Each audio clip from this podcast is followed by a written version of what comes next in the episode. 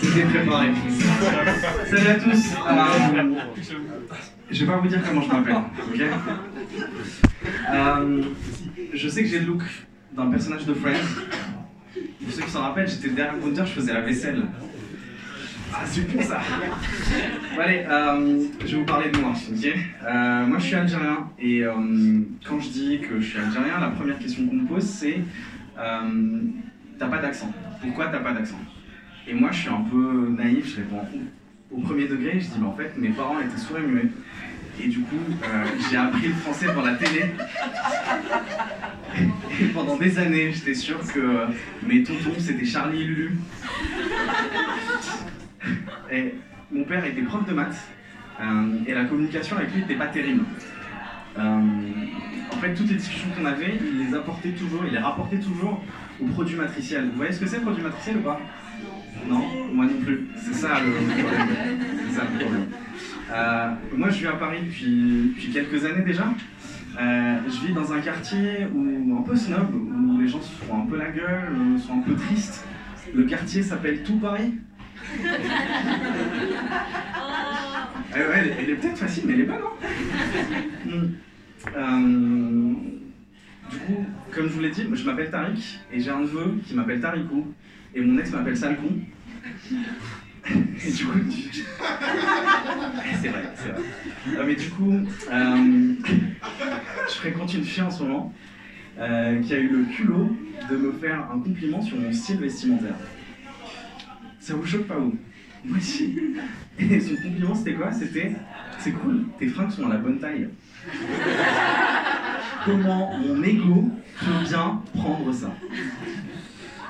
Euh, Avant de venir, euh, j'ai fumé un joint.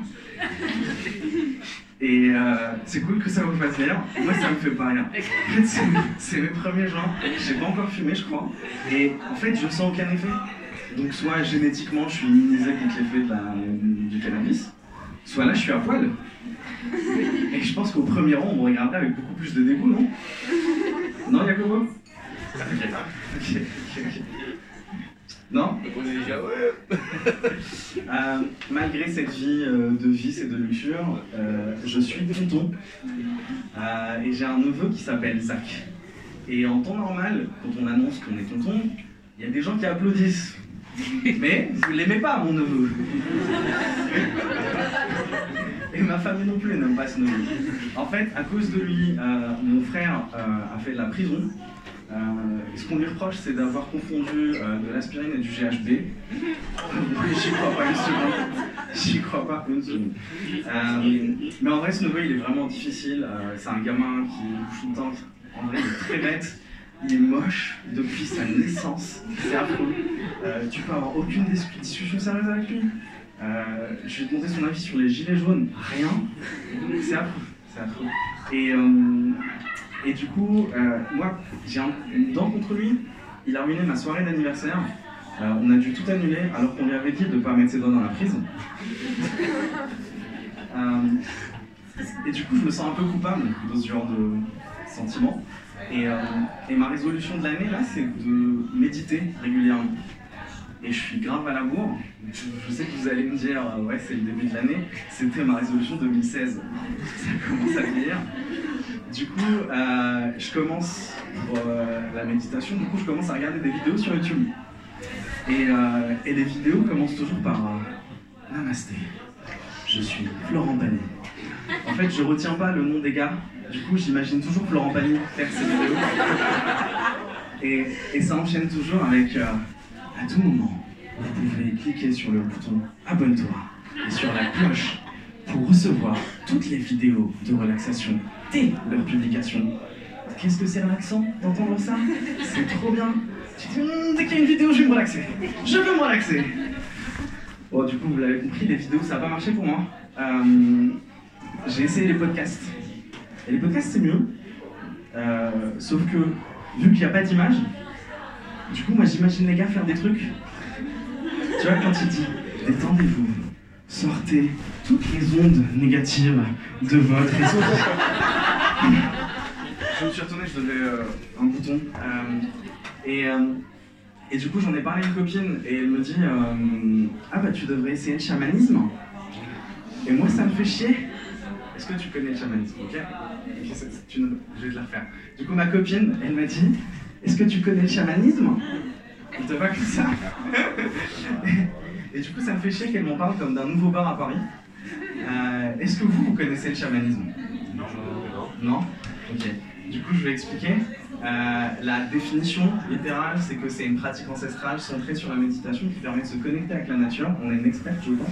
À travers Pas les du drogues. tout Pas du tout Ok, ok, ok. Euh, Les drogues. est-ce que, est-ce que vous avez les, les clichés en tête?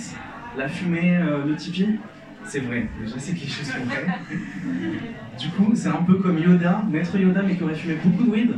Ouais.